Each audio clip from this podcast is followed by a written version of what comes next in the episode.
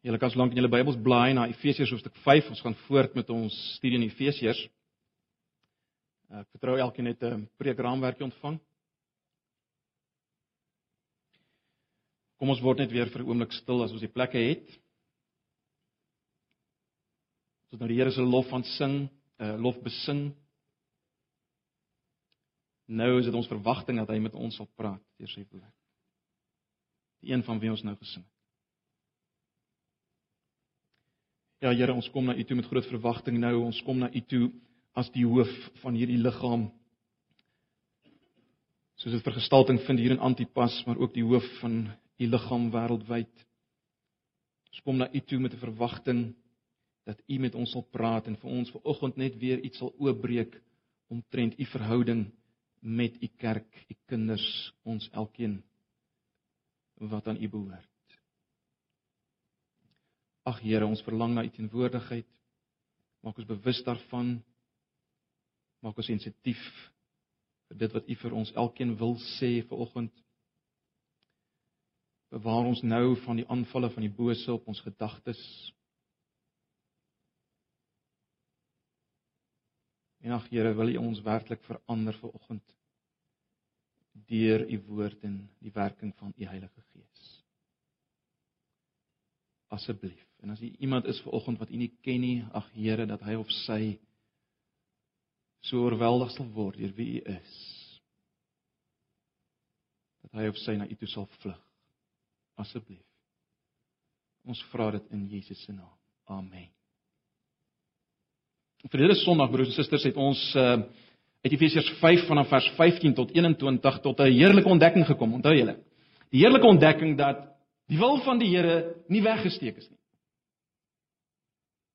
Om die waarheid te sê, ons kan, het ons gesien, die wil van die Here verstaan en daarom in elke situasie begin om dit uit te leef en toe te pas. Onthou julle?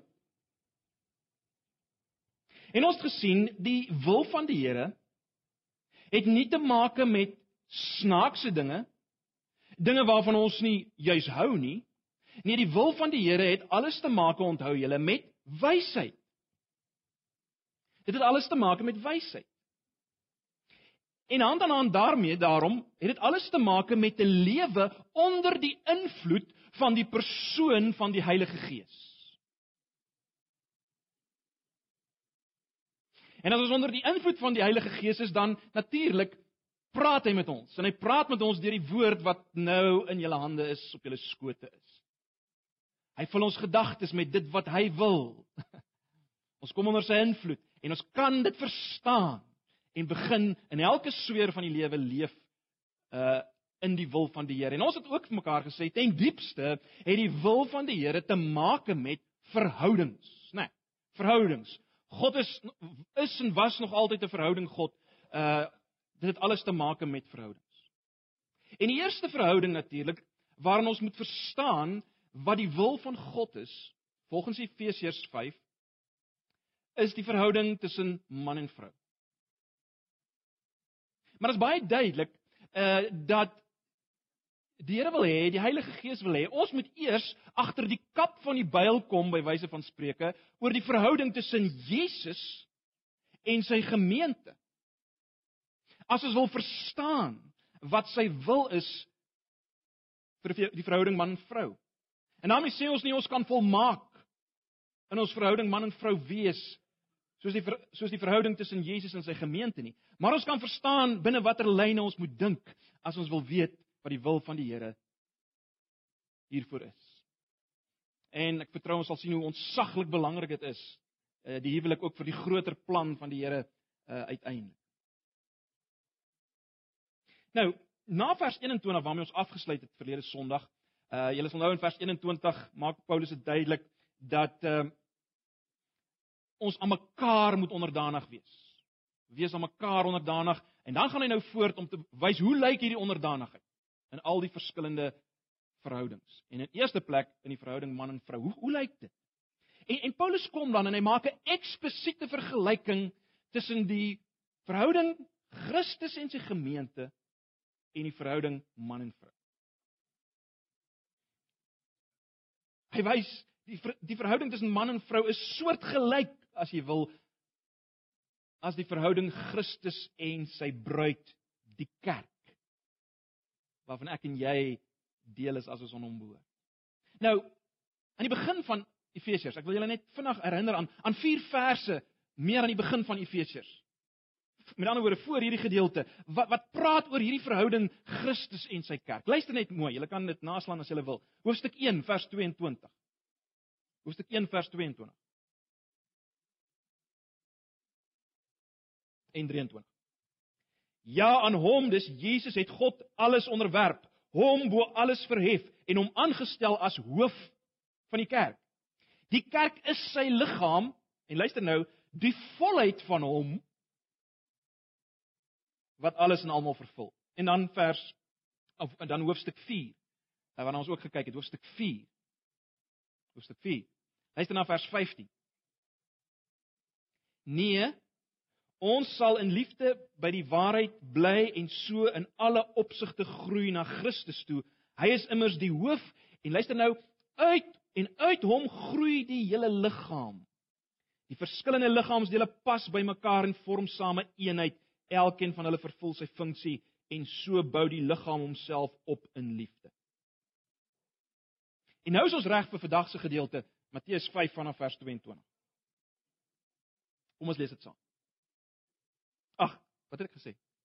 Ekskuus. Matteus is in my kop. Efesiërs, dankie Jan. Efesiërs 5 vanaf vers 22. Nou is ons reg daarvoor. Vrouens, wees aan julle mans onderdanig net soos julle aan die Here onderdanig is. Die man is die hoof van die vrou, soos Christus die hoof van die kerk is. Christus is ook die verlosser van die liggaam, sy kerk. Soos die kerk aan Christus onderdanig is, moet die vrouens en alles aan hulle mans onderdanig wees.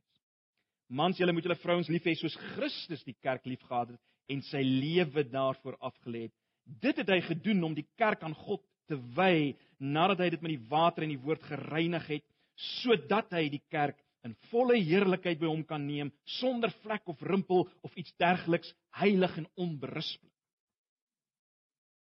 Die mans behoort hulle vrouens so lief te hê soos hulle eie liggame, wie sy vrou liefhet, het homself lief. Want niemand het nog ooit sy eie liggaam gehaat nie, inteendeel hy voed en versorg dit soos Christus met sy kerk doen. Omdat dit sy liggaam is waarvan ons lede is. Daar staan in die skrif: "Daarom sal 'n man sy vader en moeder verlaat en saam met sy vrou lewe en hulle twee sal een wees." Hierin lê daar 'n diep geheimnis opgesluit en ek pas dit toe op Christus en die kerk. Maar dit is ook op julle van toepassing. Elkeen moet sy vrou so lief hê soos hy homself liefhet en 'n vrou moet aan haar man eerbied betoon. Nou, broers en susters, ek wil julle aandag vestig op vier beginsels. Uh wat ons hier kry wat gesamentlik, hierdie vier beginsels gesamentlik definieer as jy wil die verhouding tussen Christus en sy kerk. Baie eenvoudig, vier beginsels. Eenheid, liefde, hoofskap en vervolmaking of as jy wil afronding. Eenheid, liefde, hoofskap, vervolmaking of af, afronding. Hierdie vier uh beginsels gesamentlik definieer die verhouding tussen Christus en sy kerk. En ek wil hê ons moet uh uh volgende daarna kyk en dan gaan ons hierop voortbou uh volgende Sondag. Kom ons kyk eerstens dan na die eenheid tussen Christus en die kerk.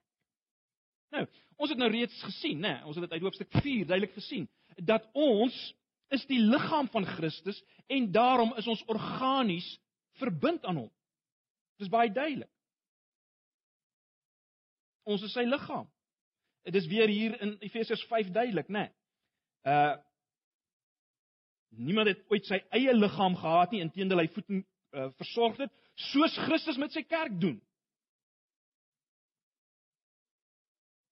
Ons is organies verbind aan Christus. Ons is sy liggaam. Uh dis baie duidelik. Maar nou kan ons nog verder gaan. Ons kan nog verder gaan. Broers en susters, in God se plan, luister mooi, is Christus onvoltooid sonder sy kerk. In in God se plan is Christus onvoltooid sonder sy kerk. En ek weet nou lig die wenkbrau en jy sê, "Wow, Jakobus, wag 'n bietjie, wag 'n bietjie. Uh jy gaan nou te ver. Hoe kan die tweede persoon van die goddelike drie-eenheid iets kort kom?" Wel, kom ons kyk weer na vers 31 en 32 in Hoofstuk 5. Daar staan in die skrif: "Daarom sal 'n man sy vader en moeder verlaat en saam met sy vrou lewe en hulle twee sal een wees." Hierin lê daar 'n diep geheimenis opgesluit en ek pas dit toe op Christus en die kerk. Nou waar kom vers 31 vandaan? Wel vers 31 is natuurlik 'n aanhaling uit Genesis 2, né? Julle behoort te weet. Dis 'n aanhaling uit Genesis 2 uh dis gegee na die eerste huwelik tussen Adam en Eva. Julle sal onthou as jy terugdink aan daardie gedeelte, in die hele skepping was daar niks wat gepas het by Adam nie. Wat iets kort gekom. Alles was goed. Behalwe Adam sonder die vrou het iets kort gekom. Uh en eers toe die vrou bygevoeg word by Adam, toe vorm hulle as jy wil 'n uh, perfekte vol, voltooide nuwe vlees as jy wil. In kort die een was nie voltooid sonder die ander een. Nee, dis die agtergrond. En nou kom Paulus baie eksplisiet en hy sê, eh, kyk, dis 'n groot geheimenis hierdie, dis 'n groot verborgenheid, maar eh, maar maar dieselfde is waar van Christus en sy kerk. Hy sê dit hier. Dieselfde is waar van Christus en sy kerk. Ons is so intiem een met Christus dat hy volkome gemaak word deur sy kerk. Onthou julle hoofstuk 1 vers 23? Die kerk is die volheid van hom. Hier op aarde is Christus nie volkome voltooid sonder sy kerk nie. Wat beteken dit? Wel, ek dink 1 Johannes 4 vers 17 gee vir ons gee vir ons 'n aanduiding. Uh luister net hierna. Ek lees vir julle die hoofsin daar in 1 Johannes 4 vers 17. Luister. Hierin het die liefde sy doel volkome met ons bereik. En dan gaan die hoofsin later aan, want in hierdie wêreld lewe ons reeds deur die liefde net soos Jesus. God se liefde wat deur Jesus openbaring uh, tot openbaring gebring is in hierdie wêreld word eers volkome tot openbaring gebring, tot volheid gebring deur ons, die hande en die voete van Jesus. Onthou, hy is die hoof, hy is die kop. Hy kan nie alleen volkome die liefde van God sigbaar maak soos deur ons of ek sê sonder ons sy hande en sy voete nie. Ons voltooi hom. Dis 'n belangrike beginsel met die oog op wat kom volgende week. So dis die eenheid tussen Christus en sy kerk. Christus is nie volkome sonder sy kerk, sy liggaam nie. Net soos 'n kop nie volkome is sonder 'n liggaam. Dit bring ons by die tweede punt. Die liefde van Christus vir sy gemeente of sy kerk. Luister na vers 25. Manne, julle moet julle eie vroue lief hê soos Christus ook die gemeente liefgehad het en homself daarvoor oorgegee het. Nou, ag, ons sê dit baie vir mekaar, maar broers en susters, liefde is natuurlik een van die mees misverstaande woorde in ons kultuur. As uh as ons sê ek het jou lief, dan bedoel ons eintlik jy gee vir my 'n warm gevoel. Dit is my lekker om by jou te wees. Ek geniet dit om by jou te wees of ek wil hê jy moet voel jy word benodig of wat die geval mas wees of miskien meer algemeen uh ek wil romanties met jou wees. Dis hoe Hollywood ons leer wat liefde is. My broers en susters, Christus se liefde vir die kerk het alles te maak met gee. Alles te maak met liefde wat optree. Dit alles te maak met opofferende gee, opofferende optree, optrede. Dis waarmee die liefde te maak het. En, en kyk mooi na vers 25. En dan die verse wat daarna kom. Die volgorde hier is baie belangrik. Let bietjie op die volgorde wat ons hier kry.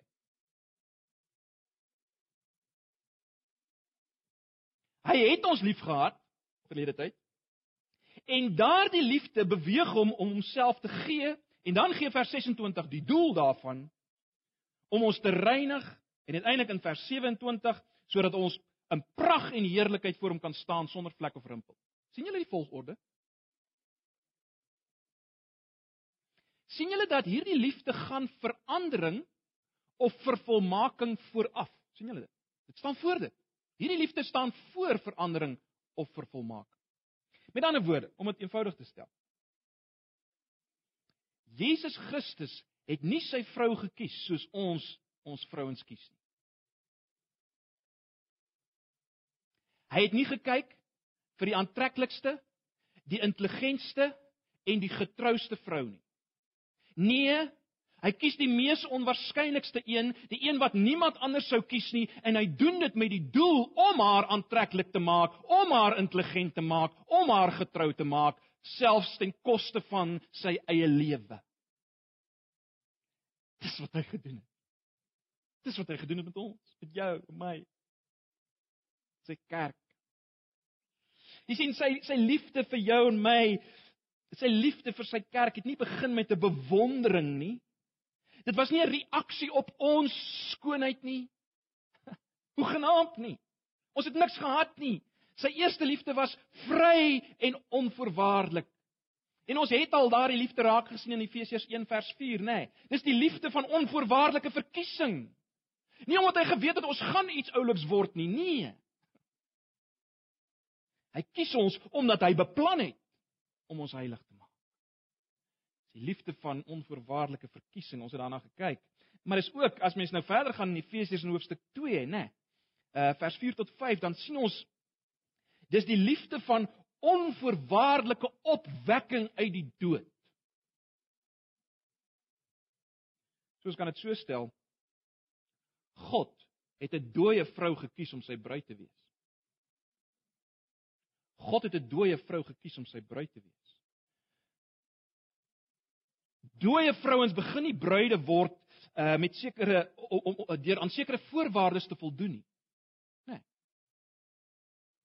Dooie vrouens word nie bruide deur aan sekere voorwaardes te voldoen nie. Nee, hulle begin deur opgewek te word uit die dood of as jy die term verkies, deur weergebore te word.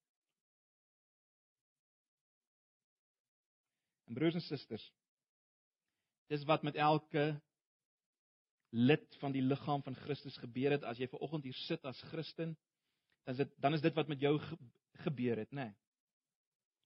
Voor jy kon mooi lyk, voor ons kon mooi lyk geestelik gesproke, voordat ons kon slim klink of getrou kon wees, let wel, voor ons getrou kon wees, dis so belangrik. Het die verkiesende liefde van God en die wederbarende liefde van God jou syne gemaak. Jou opgewek uit die dood. Hoe het Christus sy liefde verder bewys? Wel, Ons sien dit al weer eens heel aan die begin van Efesiërs, nê, nee, 1 vers 7. In hom het ons die verlossing deur sy bloed, die vergifnis van die misdade na die rykdom van sy genade. En hoofstuk 2 vers 13 en verder. Maar nou in Christus Jesus het julle wat vroeër ver was naby gekom deur die bloed van Christus. Jy sien hierdie liefde van hom het nie net gebly by 'n verkiesende liefde nie. Dis nie ook net 'n wederbarende liefde nie, dis 'n liefde wat die stort van sy bloed gekos het. En onthou nou weer eens, vir wie dit was. Uh Romeine 5 vanaf vers 8 maak dit nog duideliker. As as daar staan God bewys sy liefde aan ons daarin dat Christus vir ons gesterf het toe ons nog sondaars was, toe ons nog vyande van God was. So. Hy het nie net gesterf vir 'n onwaardige vrou wat wat nie mooi was nie, wat nie intelligent was nie, wat nie getrou was nie. Hy het nie net vir so 'n vrou uh gesterf nie, maar ook vir 'n vrou wat hom afstootlik gevind het. Dis julle punt, is dit nie? Ons moet nie die krag hiervan mis nie, broers en susters. En dis hoe die kerk was. Onthou vers 25 sê spesifiek, hy sterf vir die kerk. Dis vir hulle hierdie kragtige reddende, reinigende, heiligende, veranderende liefde is gerig op die kerk wat hom nie wou gehad het.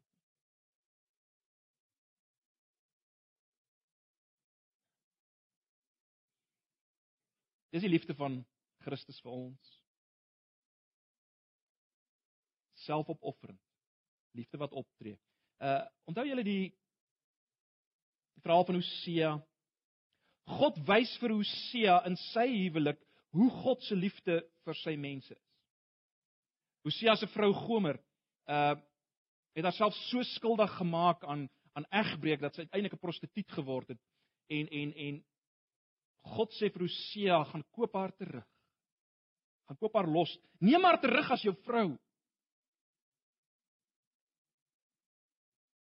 En die hele punt is dit is hoe God se liefde vir sy mense is. Dis die hele punt. Die liefde van Christus vir sy kerk. Dit bring ons by die derde punt, die hoofskap van Christus oor die gemeente. Boonbehalwe dat Paulus hier sê dat Christus en die kerk een is, dat Christus die kerk opofferend liefhet, sê hy ook, hy herhaal dit wat hy in hoofstuk 1 vers 22 gesê het, hy sê Christus is ook die hoof van die kerk. Nou baie belangrik. Hierdie hele gedagte van hoofskap is intiem verbind met die gedagte van eenheid en liefde. Ons moet dit raak sien vir dit wat volg, né? Nee. Let op, Christus is die hoof, hy is die kop.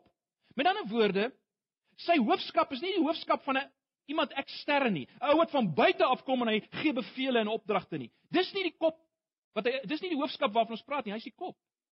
sien julle dit? Nie ou wat van buite af kom en bevele gee nie.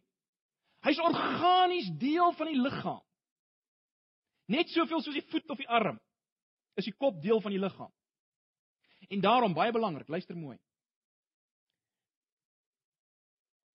Daarom is onderwerping aan sy hoofskap is die resultate van vertroue in sy eenheid en sy liefde met ons. Onderwerping aan sy hoofskap is die resultate van sy eenheid met ons en sy liefde. Baie baie belangrik as ons verder gaan uiteindelik.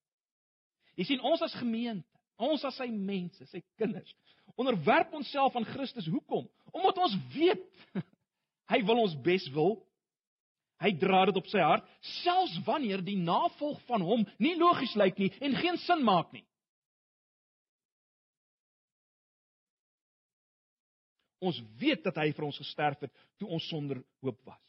Ons weet hy het ons lief met 'n onverganklike liefde. So wat doen ons? Ons druk ons liefde vir hom uit in gehoorsaamheid en onderwerping. Wat wil U hê moet ek doen, Here?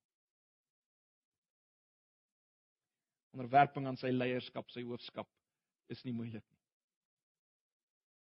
Dis die heerlikste ding om te doen. Wat doen 'n hoof 'n kop? Ag, baie vinnig. 'n Kop besluit op die doelwitte van die liggaam, nê? Nee. 'n Kop koördineer alle optrede sodat die verskillende liggaamsdele saamwerk. Uh, die been die been besluit nie hy gaan vorentoe, uh, die een been hy gaan vorentoe en die ander een agtertoe nie. Nee. Uh, daar moet koördinasie wees en uiteindelik het die kop die welvaart van die hele liggaam as doel. Daar mag tye wees wat dit lyk asof die kop uh die een liggaamsdeel skade aandoen en pyn verskaf, maar is op met die oog op uiteindelik die samewerking van die hele liggaam. Dis die moeite werd sodat die hele liggaam mag groei, hierdie onskynlike pyn en seer kry. En dit bring my by die laaste beginsel. Die vervolmaking van die kerk deur Christus. Het julle opgelet na die woorde wat Paulus in hierdie gedeelte gebruik om die impak van Christus op die kerk te beskryf? Kyk na vers 26, daar word gepraat van van reiniging, van 'n waterbad. In vers 27 word daar gepraat van verheerliking sonder vlek of rimpel of iets dergeliks, heilig en sonder gebrek. In vers 29 word daar gepraat van voet en koester. En reeds in vers 23 word daar gepraat van die verlosser van die liggaam. As jy iemand is wat uh, daarvan hou om goed te voel oor jouself en 'n heuning om die mond gesmeer te word, wel, jy kry dit nie hier nie. Dis nie baie vleiend dat ons eers gebad moet word deur Christus nie. Jy sien ek en jy ons was onaantreklik, nie mooi nie, vyande nie, vriende nie, vuil met morele skuld en sonde oral oor ons. En is vir ons wat hy kies sterf skoon was. Maar is nie al nie. Hy bly nie net daarby nie, hy gaan nog verder, né?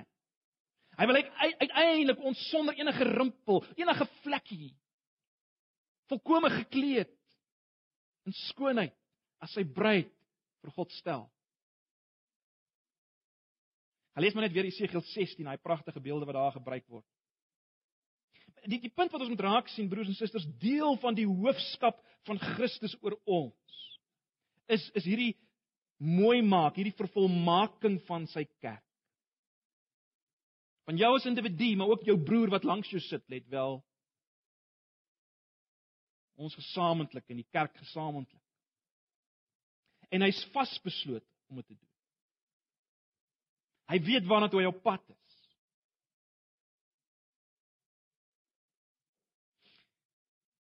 Dink weer aan die verhaal van Hosea.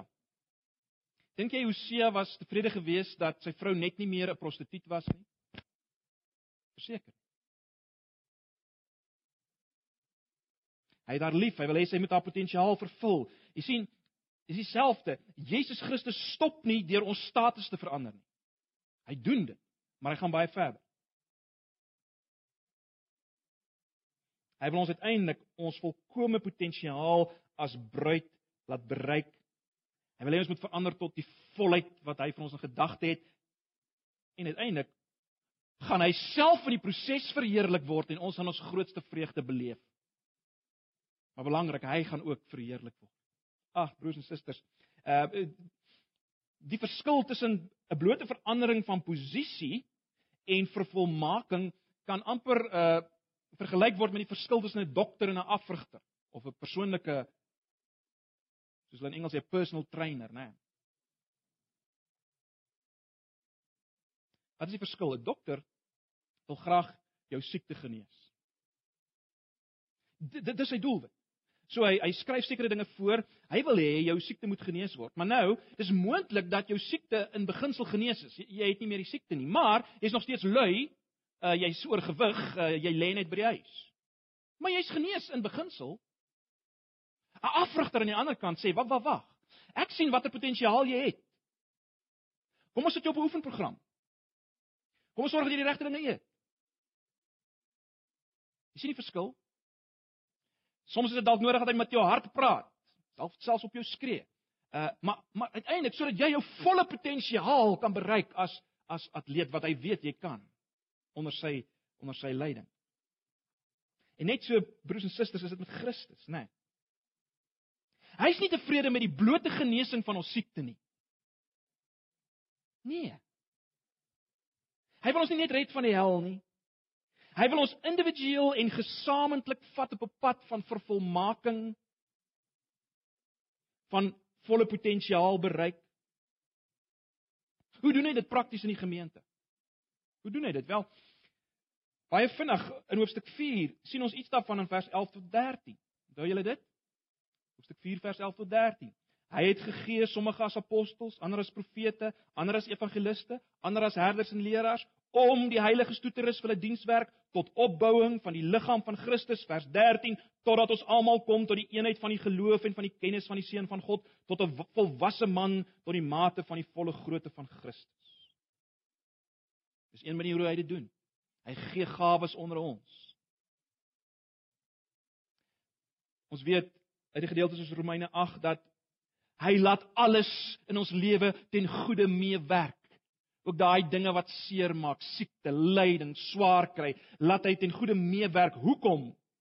Tot watter doel? Om ons te verander tot die beeld van Christus, die volle potensiaal. Romeine 8:28 en ver. Hy doen dit. En uiteindelik weet ons broers en susters uit Efesiërs 3 vers 10 dat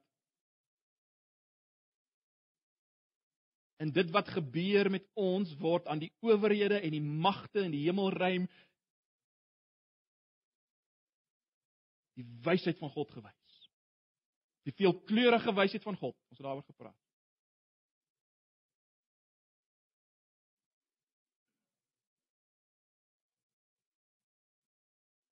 Sy wysheid sal aan al die hemelwesens gewys word in ons. God is trots.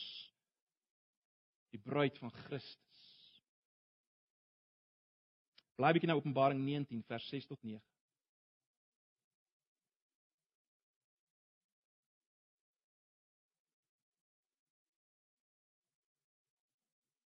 Openbaring 19 vers 6 tot 9. Hier sien ons iets van die uiteindelike bruid.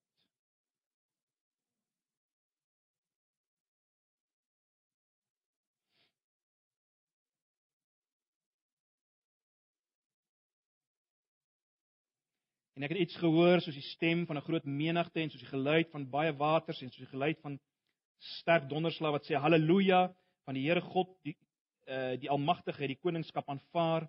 Dat ons bly wees en ons verheug en aan hom die heerlikheid gee want die bruilof van die lam het gekom en sy vrou het haar gereed gemaak en aan haar is gegee om bekleed te wees met rein en blink fyn linne want die fyn linne is die regverdige dade van die heiliges. Let wel dis gegee vir haar Toe sê hy vir my skryf salig is die wat genooi is na die bruilofsmaal van die lam. En hy sê vir my dit is die waaragtige woorde van God. Stel jou hierdie toneel voor. Ontsag. Ontsag. Die bruilofsmaal van die lam en sy bruid gekleed in klere wat vir haar gegee is.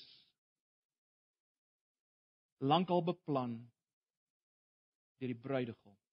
Hierdie dag wanneer sy bruid aan hom voorgestel gaan word in alle heerlikheid. Deur sy genade.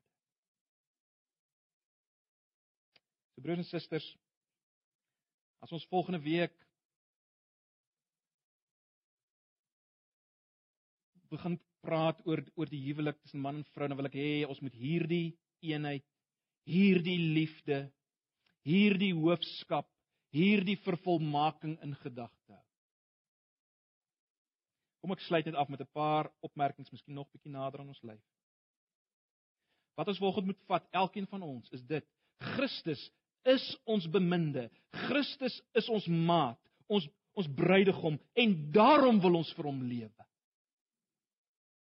Hoor ons dit? Nie omdat hy daar ver is en kwaai is en ons dalk gaan straf as ons dit nie doen nie. Nee, hy is ons bruidegom. Hy's een met Hoe meer my vrou my liefhet, hoe meer vind ek dat ek haar liefhet. Christus het my liefgehad soos ons nou beskryf het. En dis waarom ek en jy vir hom wil lewe. Net 'n volgende punt, broers en susters. As ons dit verstaan, verstaan ons hoekom die Bybel sonde as egbreek beskryf. Sonde as egbreek beskryf. Sonde is egbreek want dit is 'n verdraaiing en 'n verloning van ons ware en beste liefde. Hoekom sal ons dit pleeg? Die liefde van 'n persoon wat jou laat egbreek pleeg is nie regtig liefde nie, ons weet dit. Sonde het jou nie lief nie. Kry dit vir eens en altyd in jou kop. Dit gebruik, dit probeer jou gebruik, misbruik, verslaaf en uiteindelik sal dit jou vernietig. Hoor dit, jong kinders, hoor dit. Dit klink wonderlik. Dit klink goed. Dit beloof alles. Maar dit vat net en dit gee niks nie. Dit gee niks terug nie. Dit dit dit gebruik wonderlike leuns. Die wêreld word, word beloof. Maar dit vat uiteindelik alles. Gee geen satisfaksie nie. Onthou dit. Waarom sal ons iemand los wat ons so lief gehad het soos ons nou gelees het? En wat ons elke dag met dieselfde kruis liefde liefhet, al weet hy alles van ons. Hoekom sal ons hom in die steek laat, hom los, hom verraai? Die een wat beskryf word as die leeu en die lam wat alle mag het, maar ook alle teerheid en sagtheid en ons bruidegom is. Paulus is verstom in 2 Korintiërs 11 laat mense wegdraai van hierdie Christus. As jy op die oomblik gaan deur lyding en swaar kry, wat moet jy weet? Hy's een met jou. As jy ly, ly hy. Ek het al die voorbeeld gebruik van Paulus, né? Nee. Paulus, uh, as Jesus hom ontmoet op die pad van Damaskus, dan sê die opgestane Jesus: "Saul, Saul, waarom vervolg jy my?" Maar Saul het die gemeente vervolg. Hy het Christene in die tronk gegooi. So wat sê Jesus? Ek en my mense is een. As my mense seer kry, kry ek seer. Ag, neem bemoediging daai uit as as jy vanoggend deur swaar kry gaan in lyding. Hy's een met jou. Hy lei saam met jou. Ek sluit af. sien jou hoe sinneloos dit is om God te probeer beïndruk. sien jou hoe sinneloos dit is om God te probeer beïndruk met jou toewyding en jou mooiheid en jou intelligensie en jou getrouheid.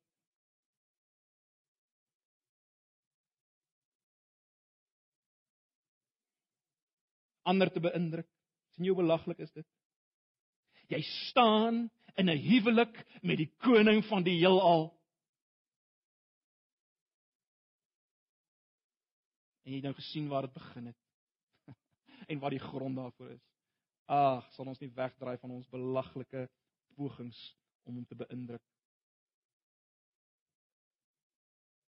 Sal ons dit nie vat nie, broers en susters. Sal ons dit nie glo sy onbegryplike liefde vir ons. En as ons sukkel daarmee vir oggend, kom ons gebruik die nagmaal. Kom ons gebruik die nagmaal en ons kyk na hierdie tekens en ons proe dit en ons gebruik dit, dan dink ons daar. Dit wat hy vir ons gedoen het, sy liefde en dat hy ons steeds so liefhet.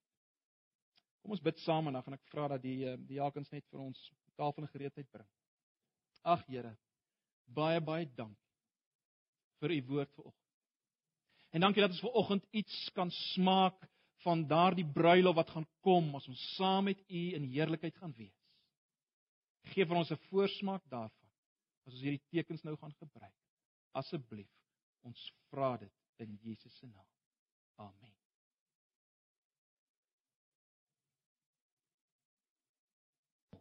in hom.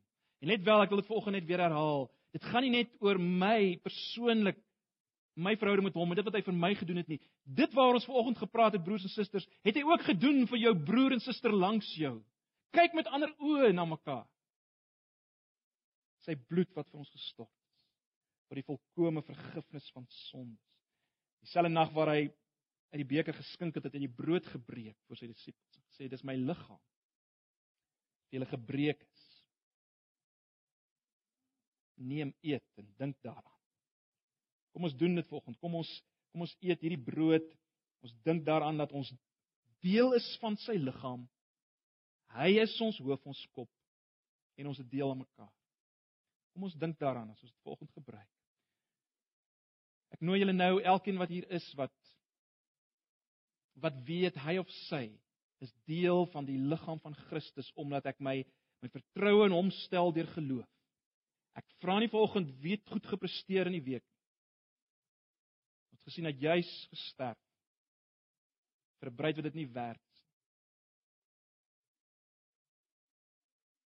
Hierdie tekens is juis om ons te bemoedig, te versterk. So kom, al is jy gebroken, maar jy hou vas aan Jesus deur die geloof. Kom en gebruik hierdie tekens word versterk, word verseker van jou verhouding met hom uh, dat dit 'n werklikheid is. Kom proe dit kom ruik dit en vat dit in die geloof. Ek nooi julle kom gebruik hierdie nagmaal met vreugde. Uh uiteindelik sal ons eendag saam dit gebruik uh in die groot by die groot geleentheid waarvan ons nou gelees het. Kom gebruik dit saam met my.